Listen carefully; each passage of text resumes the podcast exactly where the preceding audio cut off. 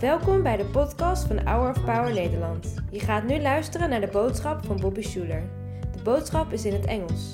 Liever met Nederlandse ondertiteling erbij? Bekijk dan de uitzending op hourofpower.nl of op ons YouTube kanaal. Yesterday, I had the privilege of giving a devotional to our Dutch group who was here in the church, and I was riding my bike to church, which was a very Dutch thing to do, actually. And I was thinking about what, what can I say, Lord, to, to these folks? And I began to meditate on this. And by the way, goeiemorgen. Beste vrienden, ik ben dominee Schuller, de neef van Jon van der Bos. Ik vind het fijn om hier te zijn met mijn lieve vrouw Hannah, mijn dochter Haven, en mijn zoon Cohen en uh, what else? Ik wil stroopwafels eten, ik wil koffie drinken. Goed, koud bij jou en ik ook. How's that? Great to see you guys. Uh, we welcome. So we were talking with the uh, talking with the Dutch yesterday, and this idea came to my mind as, as I was thinking about this thing that's bothered me a lot lately, which is the rising costs of weddings. Uh, I do a lot of weddings, you know, or I used to especially. I don't do them as much anymore, but especially when I was younger, when Hannah and I were had no kids and I was about 27 and I was a volunteer at my church, the, one of the main ways I made money was officiating weddings. And the average person would give me about $200 to do a wedding. Sometimes it was more. Sometimes it was a Starbucks card in which I had to go home and apologize to Hannah. I'm sorry I was gone all day for a Starbucks card. But would you like a cup of coffee? You know. Uh, but this was one of the ways we, we made money. And one thing I've noticed as a minister lately is how expensive weddings are getting, and how families who are spending money, you're wondering, can they really afford what they're spending this money on? And in fact, I Googled it yesterday and found that the average cost of a wedding now, in Orange County at least, is $33,000. Remember, that's after tax dollars. That's a lot of money. And, uh, and I began to think about something else that in an age of Pinterest and Instagram, that um, people maybe are thinking more about the wedding than they are the marriage. I'm Thinking about the wedding more than the marriage. I'm thinking more about, and we need to have beautiful weddings, right? Hear me. Beautiful weddings, lovely weddings. Weddings are important. We should have weddings. They should be special. They should, you know, there's nothing wrong with spending lots of money on a wedding. But when you think about as a couple is preparing, the amount of time they spend talking about what will the wedding be like versus what will the marriage be like is disproportional. And, and uh, I thought about how this is sometimes true in our Christian walk. How very often when you hear sermons, um, they talk more about the wedding than the marriage, even from me, and I have to be careful about that. Because coming to faith, being baptized, or receiving communion, these types of wedding type experiences for the Christian are important. But Christ offers us a way, a way of life. Eternal life isn't just going to heaven. Eternal life is the quality of life that's made available to me, even if I'm suffering, even if I'm in prison, even if I'm a multimillionaire, or I'm down on my luck, or I'm going through hard times, whatever, that there is this thing within eternal life that no one can take from me. And so today I want to talk about one of the most important parts of how to live in that life. It's only one aspect of it, but it might be the most important or one of the most important parts of it. Jesus makes it clear that this is something every Christian should have, and that is hearing God's voice. Hearing the voice of the beloved, the voice of God that speaks to us right now, right where we are. God has a word for you today. And the word might come through me, but more than likely, the word will come right to you, just right to you. And when I say he likes to talk to everybody, I don't mean just all Christians. Christians ought to listen to God's voice, but it's interesting how often in the Bible God talks to people who are not Christians or not in God's family. The most stark example is Balaam, who is uh, written about in the, in the Torah who seems to be some kind of a, almost a bad guy. And he has this personal relationship with God where God talks to him. Well, Jesus tells us plainly that, that every member of God's family can hear God's voice and should hear God's voice. We often think, well, the best way to hear God's voice is the Bible. And that is true in some ways. The Bible is God's word. When the Bible is read, God's voice is heard. When the Bible is read aloud, God's voice is heard audibly. That's an old saying. But uh, may I just say also that the best way to understand a book is to get a commentary from its author. You see, the Holy Spirit is the best Bible teacher there is. One of the best ways to read the Bible is to read it listening to the Spirit as you read. Many people who read the Bible come away from the Bible using single Bible verses as bullets or arrows rather than taking the whole thing in context. Every uh, epistle in the New Testament, for example, is a letter, but we don't read it like a letter. We read it like a, a legal document. We don't read it like Paul writing a letter to his friends in Rome. We see these chapters and verses that were added later, not by Paul, but by some other person hundreds of years later. And we think that it was drawn up that way. Well, it wasn't. It was written as a letter. And the author wanted you to understand the whole thing in context. And that author was inspired, inspired by the author, the Holy Spirit. So if you're confused about a Bible verse, you ought to ask the Holy Spirit to guide you through and to listen to Him. And you might say to me, I don't hear the voice of the Spirit. Well, hopefully today I can give you some simple ways to listen to God's voice. God loves talking. He loves talking to his family. He loves having conversations with his children. And it's one of the healthiest, most joy filled ways to live a godly life. It's been an important part of my faith and Hannah's faith. It's probably an important part of yours as well. And if you haven't talked to God recently, well, it's time we take up the spiritual telephone and give him a call. It's so much easier to let go and let God, as the old saying goes, when God just talks to you and shares with you what he's up to. Now, unfortunately, God doesn't like, it seems like, to tell us what he's doing. Uh, but sometimes he does. And when he does, that's really cool. So take it or leave it. But uh, Jesus tells us plainly that as disciples, we ought to know the shepherd's voice. John chapter 10, Jesus says this Very truly, I tell you, Pharisees, anyone who does not enter the sheep pen by the gate, but climbs in some other way as a thief and a robber. The one who enters by the gate is the shepherd of the sheep. The gatekeeper opens the gate for him, and the sheep listen to his voice. He calls his own sheep by name. He calls you by name and leads them out. And when he's brought out all of his own, he goes on ahead of them. And his sheep follow him because they know his voice.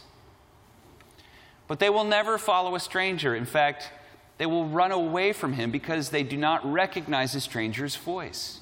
Jesus used this as a figure of speech, but the Pharisees did not understand what he was telling them. Therefore, Jesus said again, Very truly, I tell you, I am the gate for the sheep.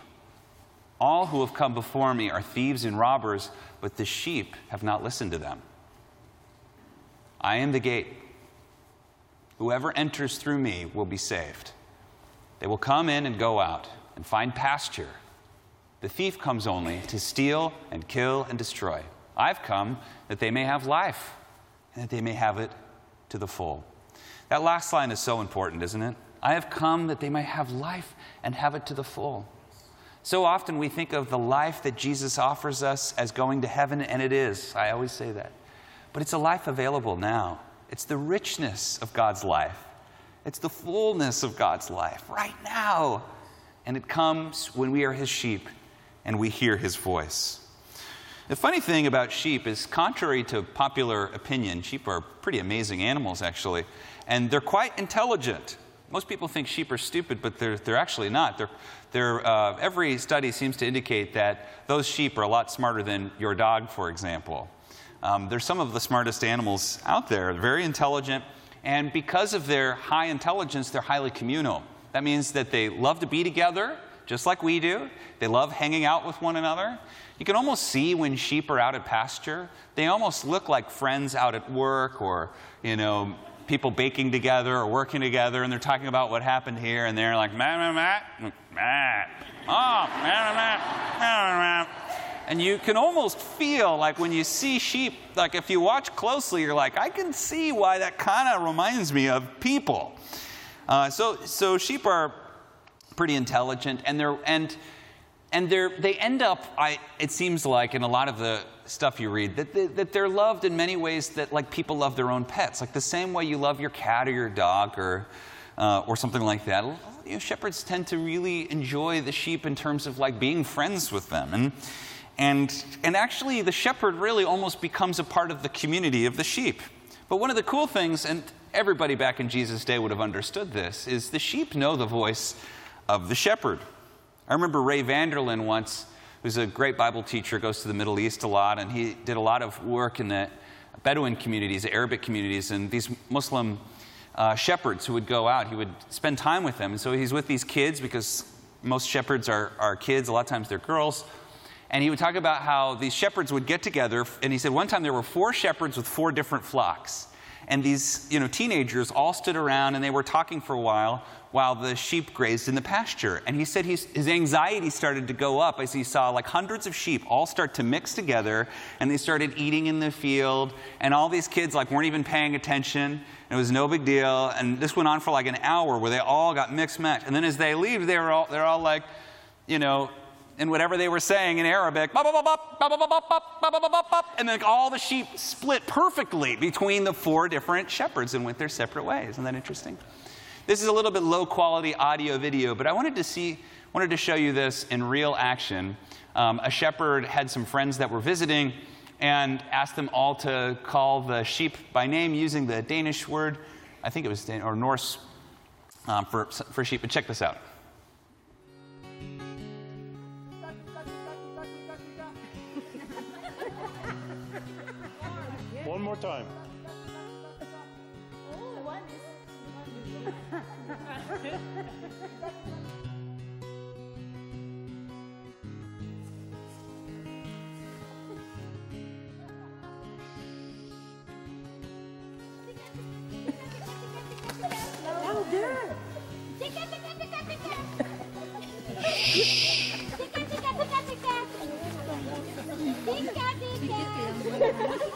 time. Look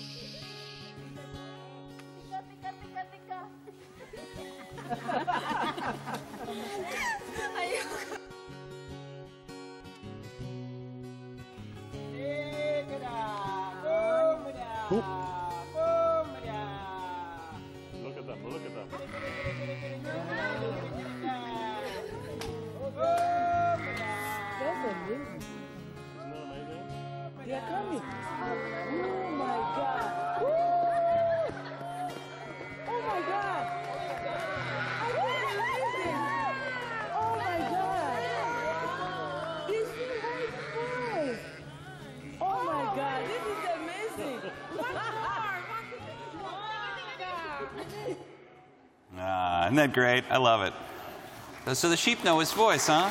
Yeah. So that's what Jesus is saying. I mean, in a rural community, when he's speaking to these people, they know that some stranger that calls out their name, they're not going to respond to it. They know the shepherd's voice. And when he calls, they come to him. They know. And they're a community. And in a way, the shepherd is sort of a part of the community of the sheep. And, they, and he, he functions as the foundation for that community. And that's what Jesus says. He says, I am the gate. Well, that seems like a weird thing to say, doesn't it? But you know, back in those days, very often in the desert, pasture is way off from where the village is. And so sometimes you have to spend the night out near the pasture. You don't have time to come home. And so it was very common that way out, a shepherd would create a sort of a faux small pen uh, made of rocks and sticks and things like that. And then the shepherd himself or herself would be the gate, and she would sleep there on her side at the only opening of the gate, so that if some sheep started to wander off, it would have to like step over the shepherd, you know? So Jesus says, I am the gate, and this makes sense to the people that he's always guarding, he's always watching, he's always protecting. And if anybody tries to get through there, it's going to be a thief. That they always know the shepherd's voice. And he also says that the shepherd lays down his life for the sheep.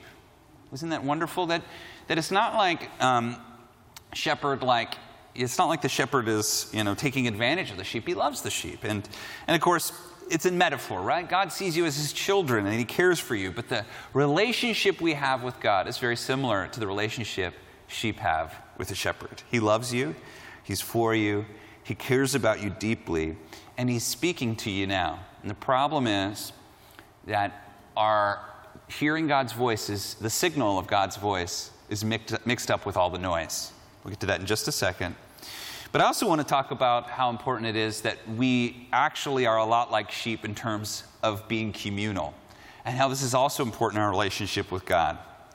Um, we are one of the few species, you wouldn't think that solitary confinement is now rightly being discussed as a form of torture.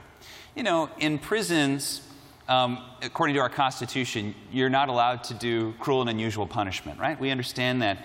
And so, how to define what's cruel and unusual grows over time. And uh, now we're starting to see that in a place like prison, which is supposed to be correctional, meaning that it's supposed to be therapeutic, it's supposed to help people become better. It's supposed to, if you go to prison, it's supposed to be a place where you get sober and you maybe get some counseling and you're but too often we see prison as a punishment. It's like a, like a spanking for grown-ups or something. And, it's, and, and yet that's really not meant to be the intent. And so, so often now we're discussing how solitary confinement, you see how it actually makes people worse. It makes their, them more violent. It makes them, you know, in some studies, be more likely to uh, com- commit crimes or to take advantage of drugs or something like that. And that makes sense, doesn't it? Because we just need people. We need to be around people. It's almost like we'd rather be around awful people than be alone. I mean, just look at so many of the relationships that many of us have had in the past. There's this fear of being alone. And I realized that although it's not totally the best, that if you have a relationship with God and you can hear God's voice when you're alone, you can experience something that Henri Nouwen called moving from loneliness to solitude. Uh, and some of you have experienced that in your life, some of you haven't. But there's this amazing thing that can happen when you hear God's voice that when you're completely alone and you feel like you're really suffering, maybe um, you just you, you know you just lost a spouse or you went through a bad breakup or divorce or maybe you just moved out of your family's house and you're living alone or you have roommates but you're not close to them Sometimes it's easy when you're going to bed, turning that light off, to feel just a sinking sense of loneliness. And I want to encourage you that is one of the best times to reach out to God and to hear His voice and see how He can move you from deep loneliness to a deeper sense of experiencing His love in solitude. God wants to talk to you and He wants to be with you. And even though we're like sheep, even if there's no other sheep around, you can always know the shepherd is standing by your side and He will get you through what you're going through. So, um, just super quick, I'll go through this. The first way that we hear God's voice, most people don't hear God's voice in English or their native tongue. I've said this a million times, but it's worth repeating. God has a language, and his language is knowledge. So when God speaks to us, we just understand. It just comes. And this is so important that when we try to hear God's voice, you, will find that you can explain it oftentimes in English or Dutch or whatever your language is. But, um, but really, God speaks to most people through knowledge. He impresses it like a stamp on our heart. And if you don't know what that sounds like, um, one of the best ways to learn that is to begin to memorize Scripture. Christians study the Bible more than they should, and they memorize less than they should. You know, as Westerners, we're always wanting to study, study, study, but there's something meditative about memorizing. You have to say it over and over and over. And you find that any scripture, if you just keep saying it over and over, you're going to find things that are going to come out that didn't come out when you studied it. And it imprints on your soul. And it gives you a biblical mind. It helps you begin to hear what God's voice and heart is like. And that will help you distinguish the signal from the noise. Anytime you hear something, even right now, as I'm speaking, there is signal and there is noise. You're praying and you're thinking about your grocery list and you're thinking about that thing that somebody said to you, or you're just bored, or you just you don't hear anything. so, so part of training your mind is to hear God's voice. Just like sheep, there's this way in which you train your mind as a parent, it just happens naturally. You train your mind to hear God's voice. And finally, when you hear God's voice, just make sure to test it the first thing is is it biblical? You know, does it, is it, if it's opposed to the Bible, it's not God's voice. Um, another great way to test it is to ask, is this the heart of Jesus? You know, is this really God's heart? One way of saying that is like when you think of the fruit of the Spirit, you know, anybody that's in the Spirit is going to bear this fruit love, joy, peace, patience, kindness, goodness. That's one of the best ways to discern a church, to discern a message from any pastor or preacher you hear, to discern anything that you're hearing from a mentor. If it's not bearing spiritual fruit, it's probably not from God. Ex- just clearly. Is it love, joy, peace, patience, kindness, goodness, faithfulness, gentleness, self-control? If it doesn't have those things, it's maybe it's probably not from God. And then, of course, you're not sure. You can always just ask a mentor or a friend who knows the Lord. The most important thing, my friend, is that God loves to speak to us and He loves to talk to you. And His heart for you right now is not anger, wrath. God has forgiven you, He's restored you, He's rescued you, and He wants to speak to you today. Let's listen. Amen. So, Father, we come to you in the strong name of Jesus with open hearts, and we ask that you would speak to us this morning or this evening.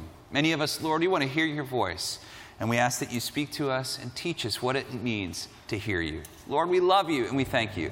It's in Jesus' name we pray. Amen. Bedankt voor het luisteren naar de podcast van deze week. We hopen dat deze boodschap jou heeft bemoedigd. Wil je meer weten over Hour of Power of dagelijkse bemoedigingen ontvangen? Ga dan naar www.hourofpower.nl.